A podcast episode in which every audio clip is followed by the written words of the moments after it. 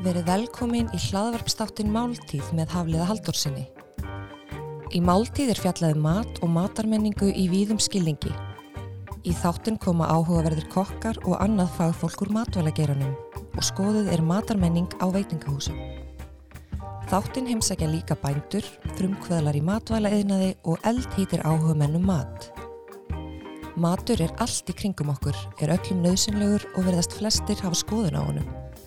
Hvort sem umræðir einfaldar grunnþarfur hverstagsins yfir í einstakar upplifanir á bestu veitingastöðum. Verið velkomin í Máltíð.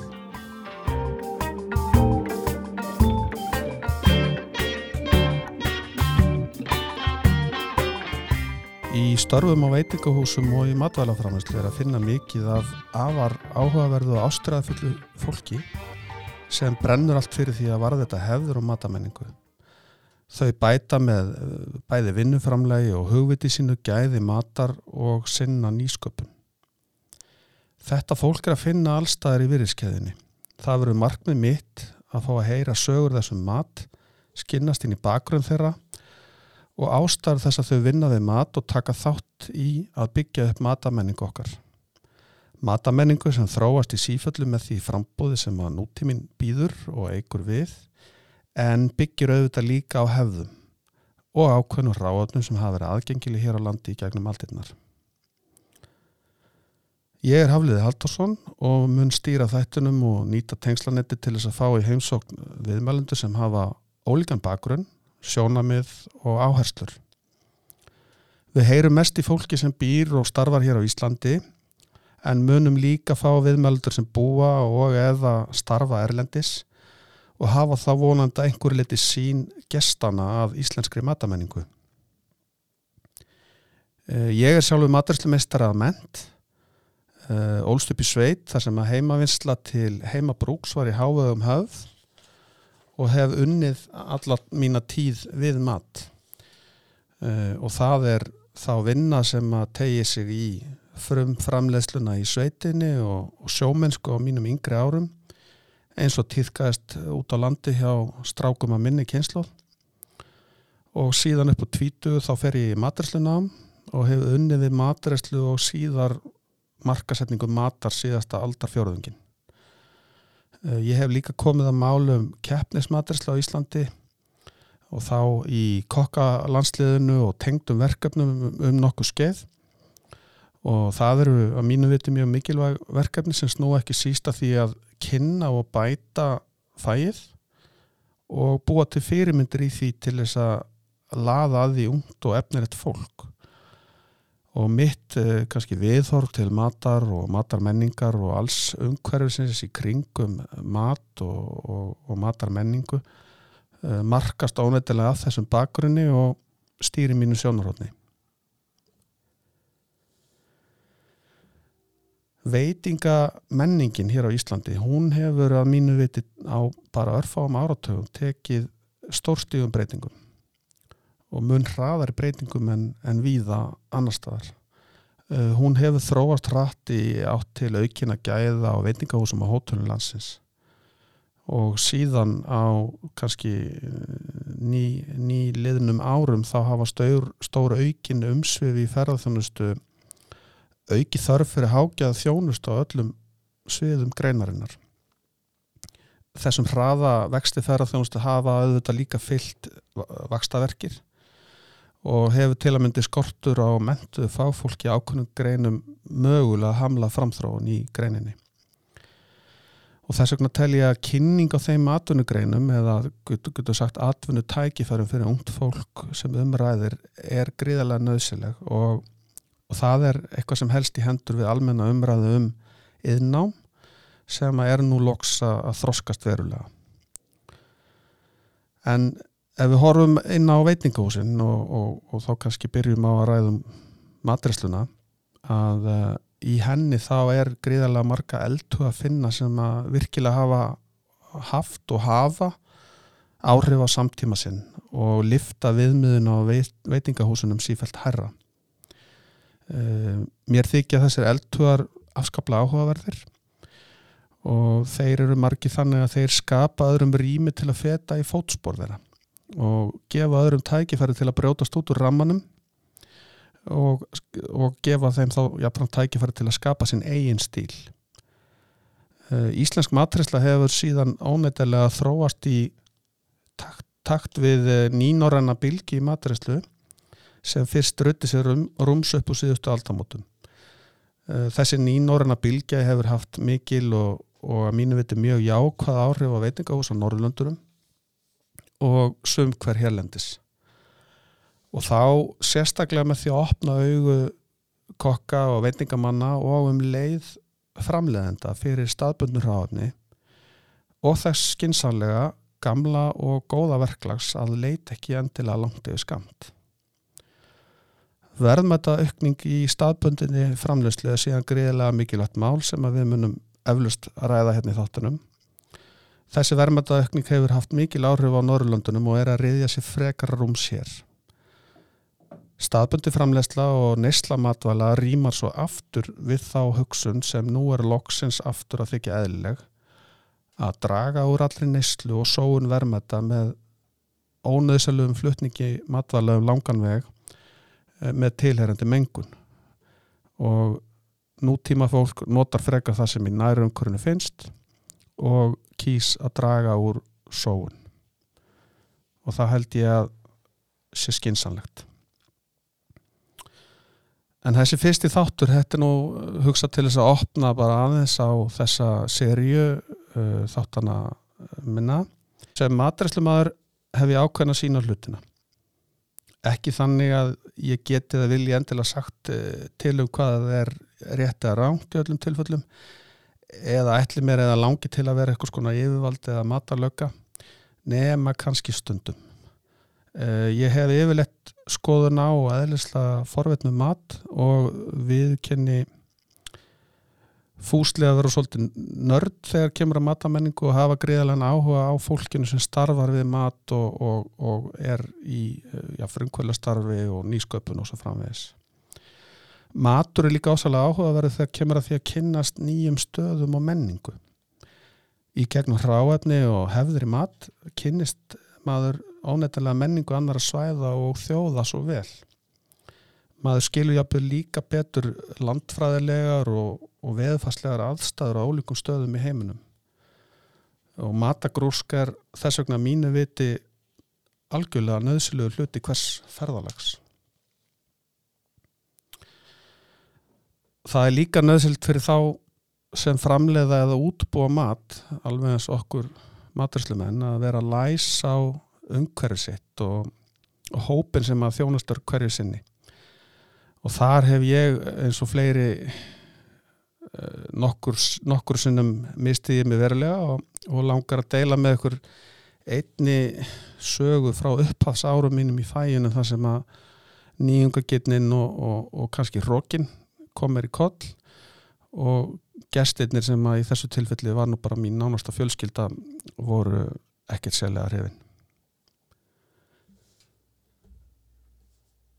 Þegar ég var nýkominn sjálfur í maturslunám þá þá held ég sé óhætt að segja þegar lítið baka ég hafi þróað með mér svolítið snopp fyrir ýmsu því sem að mér þótti nýtt og, og spennandi en vildi þá samtímis jafnvel hafna öðru sem er þótti þá svo litið hallaraslegt eða jafnvel gamaldags og úrælt og sjónarhótt mitt sem, sem ungs koks eða maturslu nema á þeim tíma hafa frengtist eh, verulega tímabundið. E, og ég held ég að hafa alveg örglega verið hundleðilegur í umræðum um, um mat við fjölskyldu og vini og, og hérna yfir mataborðinu á þessum tíma og mig grunar að, að fleiri sko kokkar að minni kynnslóð og jápil þeir sem eldri eru kannist eh, aðeins við þetta eða svipa tímabil í sínu lífi. Og þetta er auðvitað þegar ég lít tilbaka held ég að þetta hafi bara verið menningasjokk og, og mín eigin minnumáttakjönd gagvart stórum og þekktum stefnum í matræslu sem að maður ónættilega kynntist uh, á sínum uh, fyrstu mánuðum í, í náminu og þá getur nefnt franska eldhúsi sem hafiði þróast og verið vel skrásett í mörg árhundruð og, og, og allt nám matræslu nefnans uh, byggist á franska eldhúsinu. Og þessar erlendu stefnur áttu síðan auðvitað ofgnótt uh, hráefna sem að alla jafna voru ekki að bóðstölum hérlendis. Og mér sem ungum maturslinum að opnuðust uh, mikið af aðferðum og erlendum áhrifum sem að tímabundið allavega blinduðu ungan og áhrifagjarnan kokkarnemann fyrir því sem að við sjálf eigum og nótum. Eh, ég vil nú samt segja að í mínu tilfelli þá gekk þetta frekar fljótti yfir sig með auknum þroska og stolti fyrir því sem við eigum og getum auðvita og eigum að nýta áfram að staðbundnum ráðnum okkar. En ég kann nú samt auðvita ennþá vel að meta öll erlendu áhrifin og, og tæknina og hefðinar uh, sem við fáum að láni að auðvita en meðan að ég svona glýmdi við þessa blindu og menningasök þá bitnaði þetta ástand mitt þetta fyrst og fremst á minni nánustu fjölskyldu sem að til dæmis mátti þóla mér þegar ég var í maturslunámi að skemma í rauninni hluta jólahaldinu eitt árið á miðjum tíunda ára töknum og það gerði ég í fullkomnu tilsleysi við jólahefðir og óskir og, og vennjur míns fólks. Hefðir í kringum ákvæmna hátir eru flestum gríðarlega mikilvægur og það er erfitt að sannfara fólkum ágæti þess að breyta kannski pínlíti til. Jólin er auðvitað þannig tími og, og matarhefðir í fjölskyldum tengjast oft ansi magnaðri íhaldsemi á, á í rauninni mjög skemmtilegan og, og oft á tíðum serviskulegan hátt. Þar er einmitt oft nákvæmlega ekkert rými til umbóta eða breytinga. Ég ólst upp í sveiti eins og áður sagði vestur á fjörðum í augri í Ísafjörðardjúpi og móði mín sem var mjög fær í eldhúsinu og hún gerði alltaf vel við sitt fólk og bjóð til frábæran mat. Hún var auðvitað gamla skólanum í sinni matagerð með framúskarandi próf húsmaraskóla og áratögar einslu heimilisaldi. Og hún hafði auðvitað á öllum þessum tíma komið í þannig fyrir að allt var í mjög fostum skorðum hvað varðaði jólahefður í mat. Og minn stóri sískinahópur sem var á þessum tíma allur fluttur að heiman flyktið svo auðvitað heim í sveitina öll jól og, og naut þess að láta stjana við sig í mat og drikk þegar ég eh, hafði ný hafið mitt maturslindam þá taldi ég mig auðvitað vit orðið ímislutum mat var orðin á örfa og mánuðum álatungur hvað það varðaði og taldi mér rétt og skilt að leggja mitt að mörgu við jólahaldið og, og leta undir. Uh, ég bauð þess vegna móðu minni aðstof mína sem hún þáði. Uh, þó hún hafi líklegast uh, þá þegar efast um gagsemina og ótast jafnvel um útkomuna. Hún áttu jú alltaf svolítið erfitt með að segja, segja nei við mig Ég fekk þarna í fyrst og síðasta sinn fyrir þetta heimili að versla inn megnið af því ráafni sem vanta úr búð fyrir jól. Það voru yfir 100 km í næstu verslun og auðvitað talsvært hagraði því að láta bara strákinn taka þetta með sér.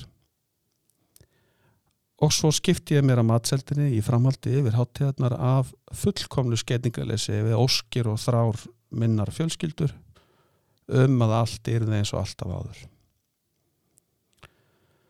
En þetta byrjaði nú samt bara vel. Sumt gekk sinn vanagang. Auðvita var uh, hjá okkur ekta kæst vestfisk tindabyggja á þólasmessu sem ég fyktaði ekki dí og allir voru þess vegna sælur og sátti með.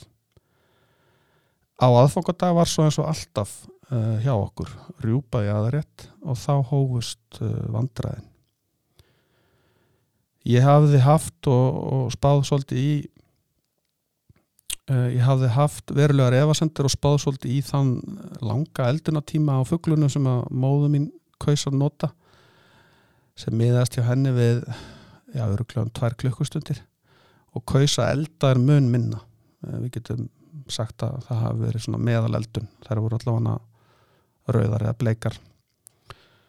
Uh, og þarna á aðfangatastkvöld þá náði ég að stuða einhverja með eldunni sem var algjör nýlunda þetta í ögri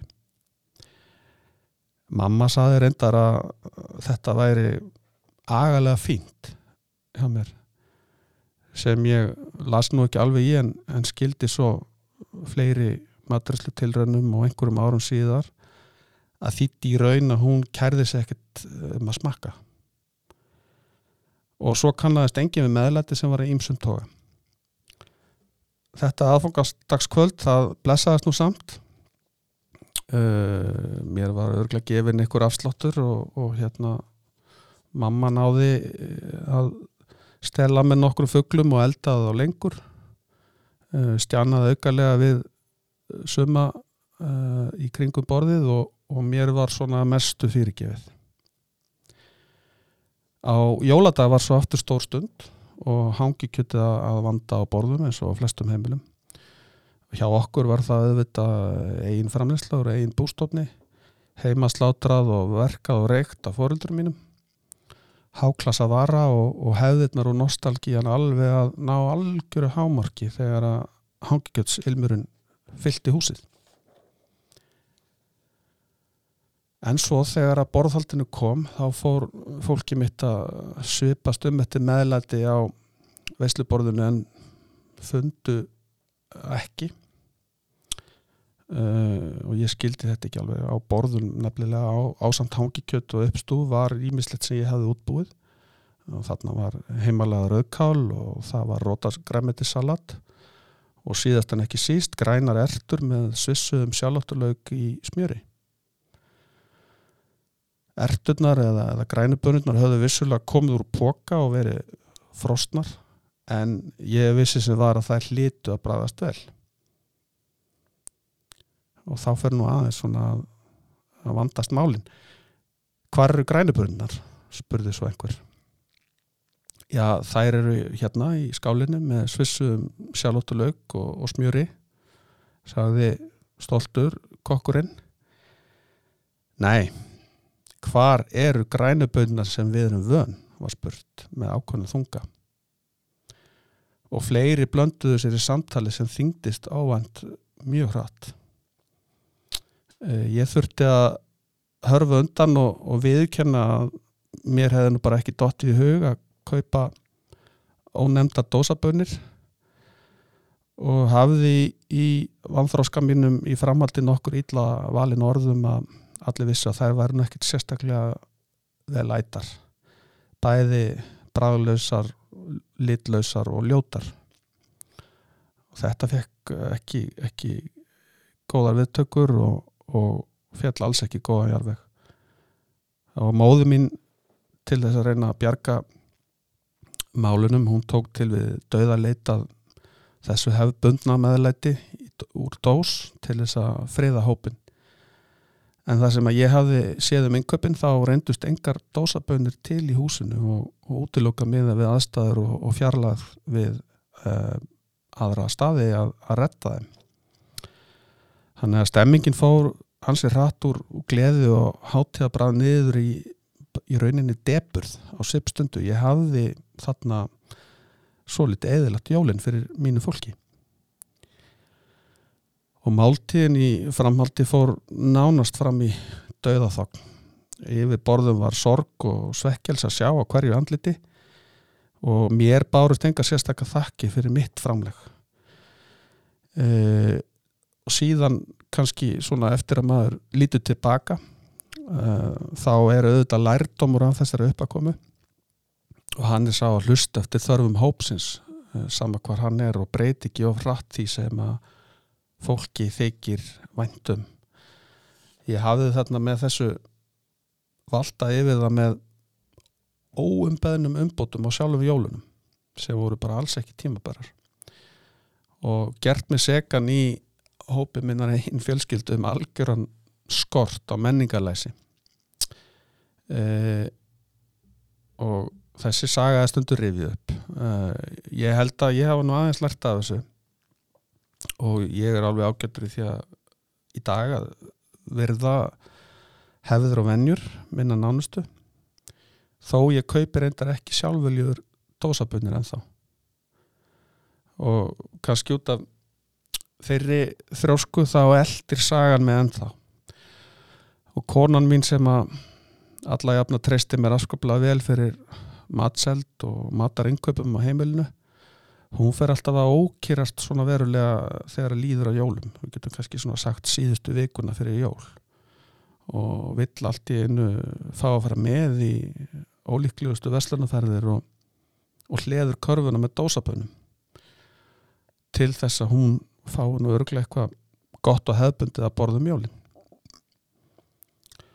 Þannig að lærdómurinn er kannski sá að, að hérna, hefður eru mikilvægar og ef við ætlum að breyta þeim þá gerum við það varlega. En ég vildi bara deila þessari stuttu sögu með ykkur og opna þess á það hver ég er og hvað henni kem uh, með minn uh, áhuga á matarmenningu og einhverja þekkingu. Uh, þættirnir í framaldi verða nú sem betur fyrir ekki svona einræður eins og þetta skiptið. Markmiði er að í þeim verði alltaf góði gestir áhugavert fólk sem starfar að mat eða matar, matar framlegslu eða inn á veitingahúsum og svo framvegs og þessi góðu gestur þeir munu deila með okkur sínum sögum af mat og matamenningu í þættunum Máltíð Takk að sinni